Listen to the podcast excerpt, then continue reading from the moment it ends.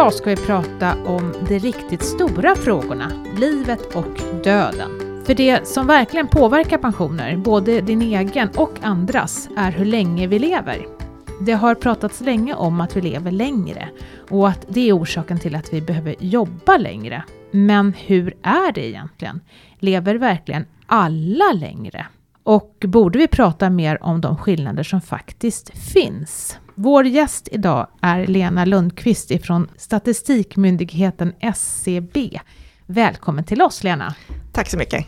Och här i studion sitter också Kristina Kamp, hej! Hej hej, jag har varit med förr. Mm. Det har du? Ja. Hej! Eh, Men Lena, jag tror att de flesta känner igen SCB, men vad, vad gör ni egentligen? Eh, SCB publicerar statistik som underlag till myndigheter och andra för att ta rätt beslut. Och just din uppgift, vad är den då? Eh, min, Mm. Just min uppgift är att göra en befolkningsframskrivning varje år. Som går från i år då, och 70 år framåt. För att se hur många man blir i olika åldrar i framtiden för att kunna pla- planera samhället bättre. Så det är många försäkringsbolag och eh, pensionsmyndigheter kan jag tänka mig också som tar kontakt med dig. Eh, det är det. Mm. Sen finns ju också alla våra data i statistikdatabasen, så en del hämtar direkt därifrån utan att ta så mycket kontakt. Ah, just Men jag blir ju väldigt nyfiken, hur gör man för att beräkna sånt här?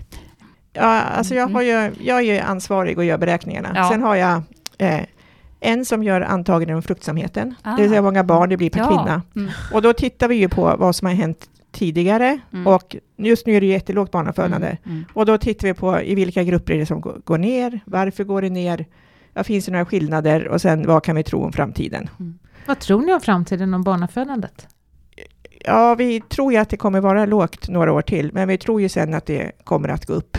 Det är lågkonjunkturen som gör att det blir färre barn, eller? Ja, inte riktigt, för det Nej. har minskat. Eh, antalet barn per kvinna har minskat sedan 2010 och vi har inte haft lågkonjunktur sedan 2010. Mhm. Utan det är de här vanliga förklaringarna som brukar finnas, de gäller inte den här gången. Så det kan vara ett totalt skifte i ett attitydskifte. Eller så är det bara någonting tillfälligt som vänder om några år igen. Now we're talking. Nej Vad men spännande. alltså är det klimatdebatt och allt sånt där man känner att man inte vill? Ja. Eh, men, men det vad intressanta spännande. är att det här är ju de som ska betala våra pensioner, så vi får vara Verkligen, lite jag blir oroliga. lite orolig. Ja, men är det bara en tillfällig nedgång några år och sen Ja. vänder det, då spelar det ingen som Nej, helst roll. nej. Nej, ja, vi får se till att eh, få upp nativiteten, Yes. eller vad heter Ja. det? Ja, Mm. precis. Ja. Men, men, men, men, men, men. Ska men, jag säga men. någonting mer om det? Ja, då? Jag har ja. inte svarat svar på frågan. Nej. Ja. Ja. Eh, sen så har vi ju migrationen som vi också gör antagande Ja. för. Och där när det gäller den eh, migration som kommer från EU och Norden, den är ju bara styrd av eh, arbete eller anhöriginvandring, att man träffar någon som man vill flytta till eller så. Men sen så all invandring som kommer utanför Norden och EU, den är ju väldigt stor grad styrd av regler och lagar Mm. och händelser både i Sverige och omvärlden. Ja. Och där är det ju väldigt svårt att göra långsiktiga prognoser. Mm. För vad som helst kan ju hända, Ja. både i världen och i svensk politik, när man ändrar migrationsregler. Men det är ju spännande, för det blir ju en, en större och större grupp av liksom totalen. Så då blir det ju svårare att prognostisera överlag då. då. Eh, de är nog inte en större, ja de blir på lång sikt Ja, en på större, sikt, grupp ja. av totalen. Men framförallt är det utvandringen då. För Ah. de som är utrikesfödda utvandrar också Ja, i större utsträckning okej. än de som är inrikesfödda. Mm. Och även sådana som är inrikesfödda med en eller två utrikesfödda föräldrar. Det är också en grupp som inte, ja som utvandrar i större Ja. utsträckning än Mm. Sverigefödda med två Sverigefödda föräldrar. Mm. Det mycket att hålla rätt på. Ja, det är Ja. det. Det är mycket siffror du. Jag Ja. förstår att det är komplicerat. Och sen så har vi då dödligheten. Ja, Eller det precis. vi egentligen är ett antagande för, det är ju överlevnaden. ja just det. Förklara det här med, med, med dödligheten, alltså hur beräknar ni? Ja, då tittar vi också på Mm. vad som har hänt, både ur periodperspektiv, alltså vad som händer nu, men sen också vad som händer under långa trender. För dödligheten är ju oftast långa trender som man kan följa. Migrationen är ju liksom upp och ner varje Mm. år, men dödligheten är ju långa trender. Och så kan vi titta på olika dödsorsaker som har ökat eller minskat, ja, åldersgrupper och kön och, och andra saker. Det, men när du säger långa trender, då tänker jag på pandemin igen då, då för då hände det ju någonting som gjorde att det kanske... Ja, Ja, det, blev ett, inte eh, riktigt- ett, hack ett år. Ja. Ett hack ett år, men sen var det tillbaka igen. Mm. Men vad är den långa trenden nu då? Att vi lever allt längre. Att vi lever allt längre? Det är Ja, och sen är det också trenden att alltid har det varit så liksom att kvinnor har levt längre än män. Mm. Mm. Men vi ser ju nu att så kommer det fortsatt vara, men skillnaderna minskar. Ja. Mm. Vad beror det på? Vet ni det? Har ni någon idé?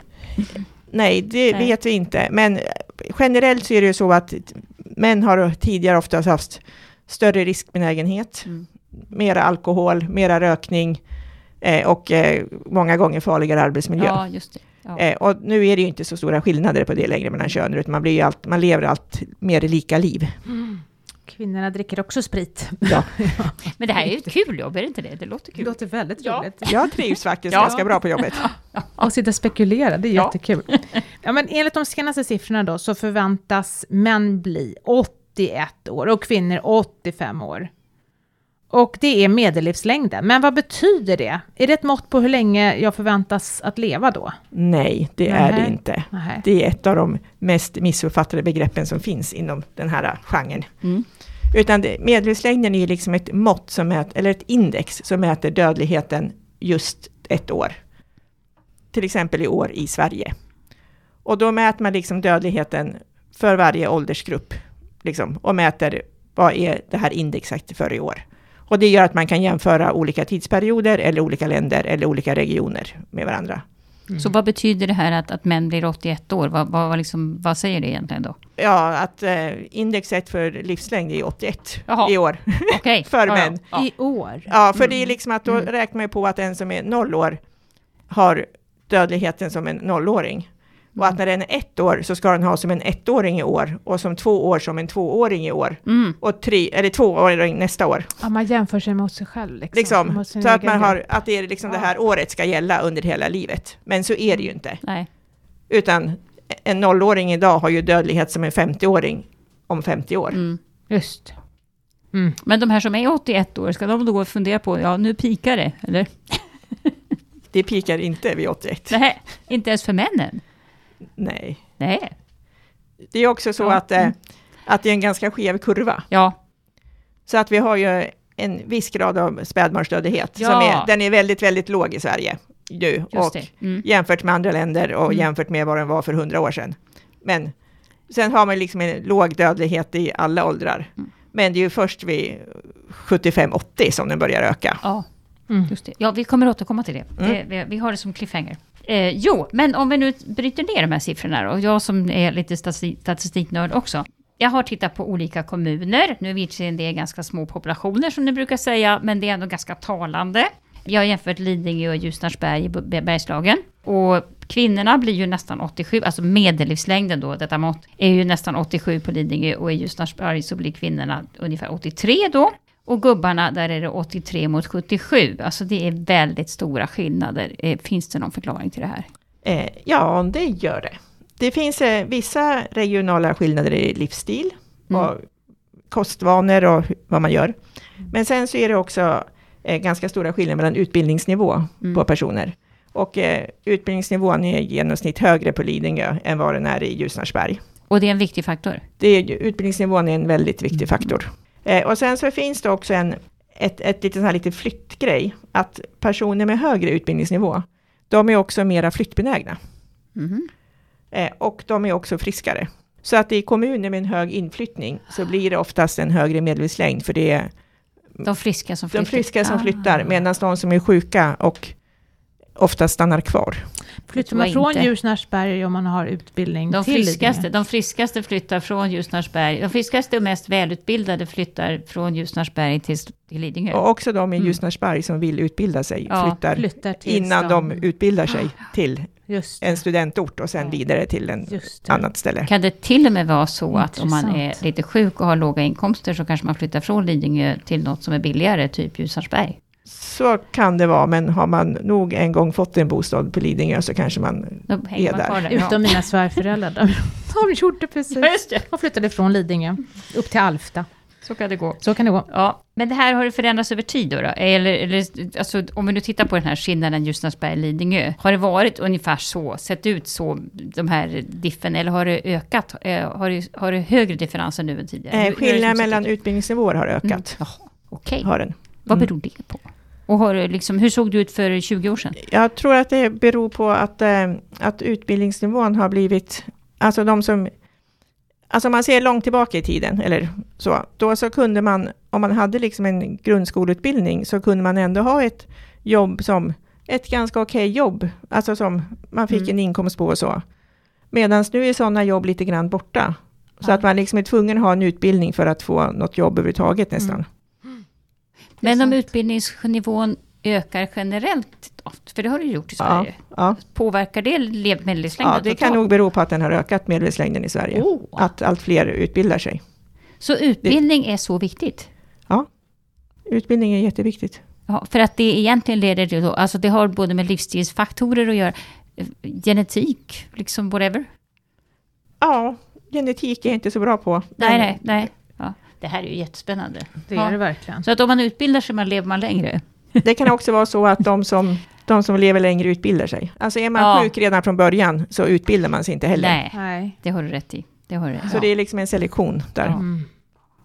Ja, Okej. vad spännande. Eh, Men sen har vi det här mellan könen också, som jag också har grottat ner mig i. Och såg att, att någonstans på 70-talet så var skillnaden störst. Då var det ju typ fem års skillnad mellan Ja. män, män och kvinnor. Eh, och det här gapet. Men då säger du lite grann då, som du sa tidigare, att det beror lite grann på hur männen har levt. Och kanske de kanske så att säga lever lite bättre nu då. De kanske men- äter bättre och har bättre arbetsplatser. Ja, För, du, framförallt arbetsmiljön tror jag Ja. har blivit generellt mycket bättre. för att det är ju ändå de som, så att säga, deras medellivslängd som har ökat mest de senaste åren. Mm, det är det. Är De, de eh, som- håller på att komma ikapp kvinnorna. De spurtar på där. Ja. Jag brukar säga att de är i cykelbyxor. Men det är välutbildade män. Ja, det är det. Jaha. Ja, det är, världen är inte rättvis, jag på säga. Eh, det här med att skillnaderna ökar, vilket de ju faktiskt gör, och det är väl inte, inte någon jättebra siffra egentligen att det är så. Eh, har politikerna uppmärksammat det? Eller? Eh, Eller, jag- eller hur tolkar ni de här siffrorna? Liksom, gör det någon signal eller någon värdering av det här? Nej, vi gör ju aldrig några värderingar, det är utan bara- vi redovisar ju Ja, statistiken liksom. som den ser ut. ja. Men, men, Men det, det har ju funnits en viss debatt i samhället om den ojämlika hälsan. ja. Och den verkar ju inte ha blivit bättre då, om jag säger så. Nej, Nej. det har den inte.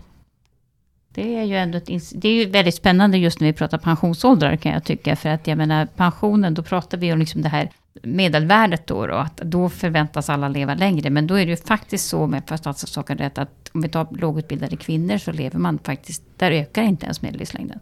Ja, allra sämst är det väl för lågutbildade män. Jaha, och sjutton. Mm. Det har större betydelse för männen än för kvinnorna. Ja, ja, okej. Och hur ser det ut där då? Hur ser så att säga, trenden ut för lågutbildade män? Ligger den platt eller hur ligger den? Nej, det är väl, det är väl nu är jag lite grann osäker på siffrorna. Ja, Men det, det är väl den grupp som, ökar, som kanske har minskat till och med, eller i alla fall inte ökar någonting. Det är lågutbildade män. oj. Det är lite Mm. läskigt. Men det är också Mm. att det blir ett urval på vilka som är lågutbildade. Ja, ja, det är, klart. är det så att den gruppen minskar över tid? Det är som man så att säga definierar Ja. som lågutbildade? Ja, eftersom Mm. utbildningsnivån ökar. Ja, Och särskilt ja, när de som är unga nu blir äldre. Alltså, ja, 60-talisterna är ju mycket mer välutbildade än 40-talisterna Ja, ja. och 40-talisterna är ju mer utbildade än 30-talisterna Mm. och så. Mm. så den här gruppen som det så att säga går ut för, för om jag säger så, den är relativt sett mindre nu än vad den var Ja, tidigare? det ja. var den. Ja, om det Eller det är den.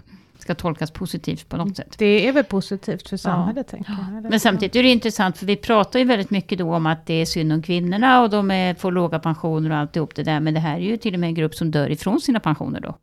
Så kan det mycket väl vara. Ja, det kanske man skulle prata lite mer om, kan jag tycka. Ja. Mm. Och kvinnorna tjänar väl också på att det är könsneutrala delningstal. Ja, precis. Och Så det kanske det. vi ska förklara i detalj. Det vill säga att om medellivslängden då skiljer fyra år egentligen, så får man ett medelvärde. Det vill säga att då förväntas alla leva till och med omkring 83, roughly. Eh, och då betalas pensionen ut som, man, som om att alla skulle leva till 83. Och det där tjänar ju kvinnorna på då, för de får ju lite mer pengar varje månad än vad de skulle ha fått. Mm. Eh, ja, vi har pratat om pandemin redan, så då hoppar vi den. Då får går jag omedelbart till nästa, den här cliffhangern. För att jag har också för mig det att när vi väl har blivit pensionärer, alltså det här med delningstal för pensionärer som vi pratar om då, det vill säga hur länge ska min pension räcka, hur länge förväntas jag leva? Så är det så att om jag väl har uppnått pensionsålder så är egentligen medellivslängden lite högre för den gruppen. Ja, alltså medellivslängden blir ju liksom högre för varje ålders. Ja. För man har överlevt ett år till. Ja, liksom. Så den blir ålder. Ja. Och jag kollade upp här att de som fyller 66 i år, som jag tänkte var nya Ja, pensionärer, ja, eh, så räknar vi med att hälften lever vid 89, alltså hälften av kvinnorna lever vid 89 års ålder och hälften av männen vid 88 års ålder. det är ju otroligt. Det är en stor skillnad. Ja. ja, det Ja. är det verkligen. Så att det är så pass många ändå som... Och alltså- det är också ja. att jag räknar med hälften här och inte medellivslängden. För jag tycker att det är många gånger ett bättre mått. Nu blev det spännande. Vad är skillnaden? Ja, att hälften lever, Ja. det, det beror på att kurvan är sned. Dödlighetskurvan är skev. På vilket sätt? Eh, den är väldigt... Eh, eftersom det är en dödlighet i alla åldrar, från noll år upp, och sen så är, vi, är den ganska låg till 50-60 år och sen så Mm. ökar den lite grann långsamt. Och sen är den ganska spetsig, en ganska spetsig kurva. Ja. Där eh, det finns viss, är en viss ålder där dödsfallen samlas runt. Uh, Så det är Vilken liksom en- ålder är det? ja, nu blir vi Ja, oroade. det är ju där, Det är eh, 66. Ja, 85, 86. Ja. Det är 85. Ja. okej. Mm. Okej, men har man väl överlevt se upp till pensionsålder så kan alltså i princip, man kan säga då, ja du använder inte ordet medellivslängd, men som Nej. du säger, varannan kvinna kan räkna med att bli 89 år. ja. Och då innebär det. dessutom att den där som har blivit 89 år, de kommer ju dessutom att bli ännu äldre då. ja, det kommer de att bli. Så hur alltså, jag tänker på pensioner här, hur ska man tänka när man ska göra sin pensionsprognos? Det gäller ju att ha pengar när man blir äldre alltså. Man kan inte, man kan ju liksom inte ta ut allt på fem år. Eller Det verkar, August? nej, det verkar ju inget smart om man är kvinna Nej. i alla fall. Det om man Och- är lågutbildad man kan man möjligen fundera på det. Ja, Mm. precis. Fast det är ju Ja. nästa fråga.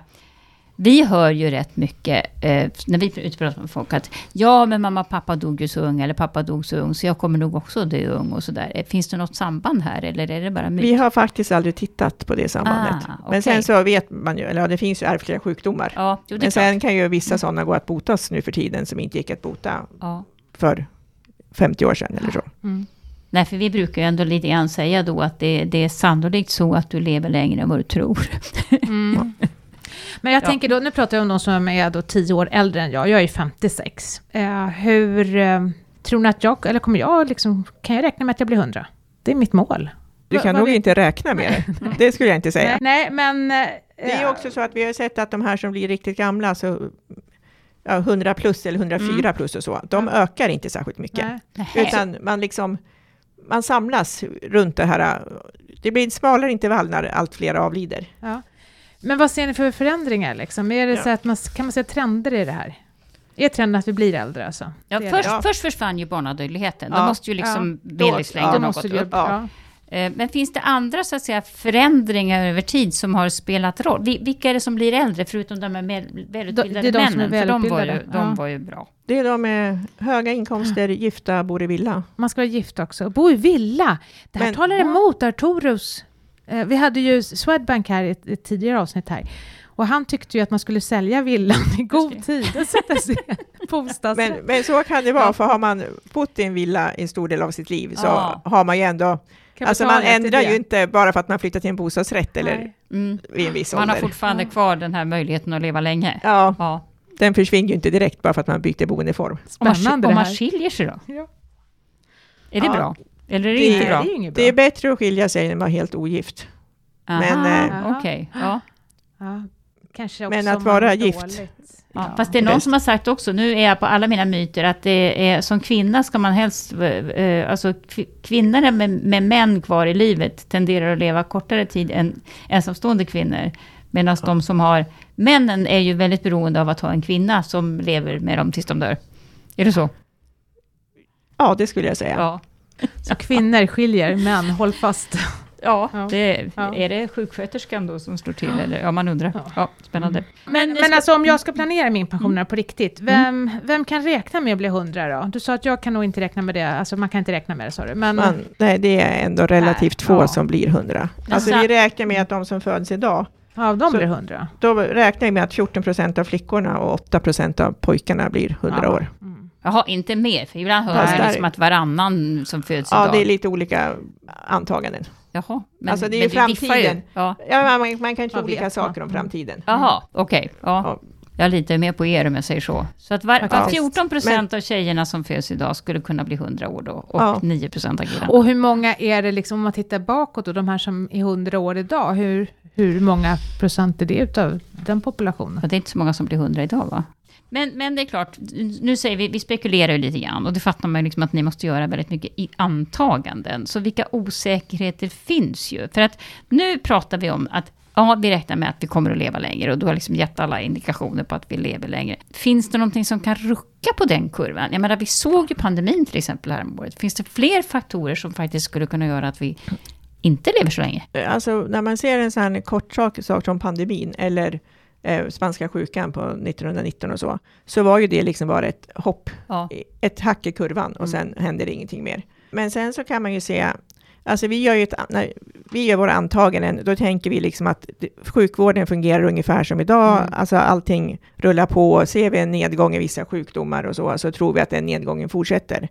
Men sen så kan det ju hända saker som vi möjligen kan förutse, men vi kan liksom inte säga riktigt vad det har för effekt eller när det kommer att komma.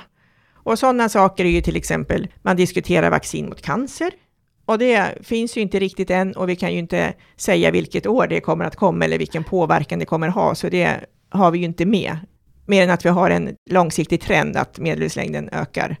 Och det är ju likadant, jag läste här i tidningen häromdagen bara att man kunde odla ju- njurar i grisar. Oj!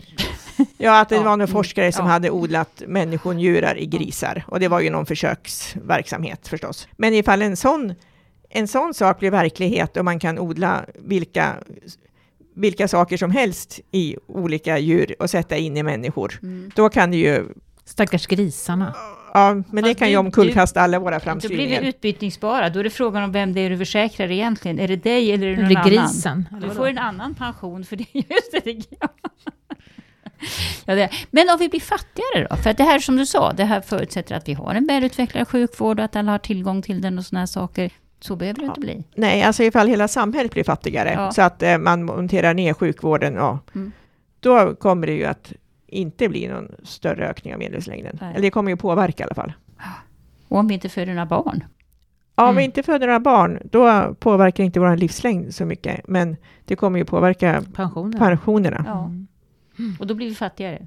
Och då Så blir då det lever vi inte fattigare. lika Ja. längre. Nej. Det här, det, här är ju, det här kan man prata hur länge som Ja, helst det här är om. Det jättekul. är faktiskt spännande. Men, men har vi glömt något Ja, precis. Mm, är det ja. någon fråga vi har glömt att ställa? som man borde liksom veta om? Är det någonting du vill säga? Mm. Jag ska se Bläddra om bland här. papperna här. Mm. Ja, jag, jag kan säga en sak till kanske. Ja, Här med vilken ålder man avlider. just det. Eh, om man tittar bara idag, Mm. liksom, eller förra året då, då var det ju så att 25 procent avlider i åldrarna 86 till 91 år. Så en fjärdedel av alla som avlider, avlider de åldrarna. Mm. Och eh, hälften av alla som avlider är mellan 83 och 94 år. Okej, så där har vi verkligen en puckel. Vi har en puckel, liksom. Ja, ja. Och Mm. den där puckeln blir lite smalare och i framtiden och lite högre upp. Så att 2040 så tror vi att 25 procent av de som avlider är mellan 89 och 93 år. Och hälften av de som avlider är mellan 86 och 96 år. Alla dör samtidigt. Ja, det blir allt Ja, mer så att, ja. att alla dör samtidigt, att det blir en, en Mm. mindre spridning i åldrarna. Det kommer åldringsvården att gilla, då vet Mm. man liksom att då... det blir Det lättare är att många på hemmet. Ja. Men det tycker jag, den har, jag brukar ibland citera Hans, Ro- Hans Rosling när han sa det där att han tyckte det var så kul att komma till Sverige. För att när han tittade på dödsannonserna så var det ju väldigt få barn som dog. Ja. Utan de flesta var ju liksom 80 plus faktiskt. Och Mm. det tyckte han var ett sånt glädjebesked. Och det, det är ju lätt att glömma bort det. Det här var ett Ja. väldigt intressant Ja. samtal. Vi hade kunnat hålla på hur länge som helst känner jag, men tiden springer iväg. Men det här Ja. är faktiskt också, tycker jag, någonting som verkligen politikerna borde anamma. Och, så, Verkligen. och, och just det här att om vi har Gör en, en, ökad skillnad mellan de som lever länge och de som inte lever längre, så, så Ja, det borde man... Ja, sänder Mm. väl det ganska tydliga signaler. Eftersom du, om du som säger att ni ska vara opolitiska tjänstemän så måste det ändå vara någonting som man... När, när började det här? För så har det väl inte varit tidigare? Det kan jag inte riktigt Nej. säga, men det är Mm. ju så att det här är också en skillnad som är större för män än för kvinnor. För gifta kvinnor kan oftast Kompensera. kom, ja, leva Mm. på sina män, Ja. så att säga. Att det är männens inkomst och Ja. männens utbildning. Men så blir det inte i Så- framtiden. Det behöver inte bli så. Nej, unga Mm. kvinnor, ni får stå på egna ben. Ja. Mm. Ja. Ja, men tack så jättemycket Lena. Det var ett väldigt intressant samtal. Tack. Jag tror att du får komma tillbaka någon gång. Vi får fördjupa oss i det här, det var spännande. Ja. Nu ska vi prata om eh, Mikael, ja. Och han undrar varför hans intjänade allmänna pension inte ökar i samma takt som inflationen. Han har varit det inne kan och man gjort undra. Det kan man undra. Mm. Och egentligen var det så att förr i världen, alltså de här gamla pensionssystemen som vi hade, där ökade pensionerna i takt med inflationen. Och en hel del av de här förmånsbestämda pensionerna, det vill säga de som är kopplade till tjänsteår och sånt, de ökar också med inflationen. Och det är också så att garantipensionen, alltså det här statliga stödet om man har väldigt låg pension, Mm. ökar ju också med inflationen.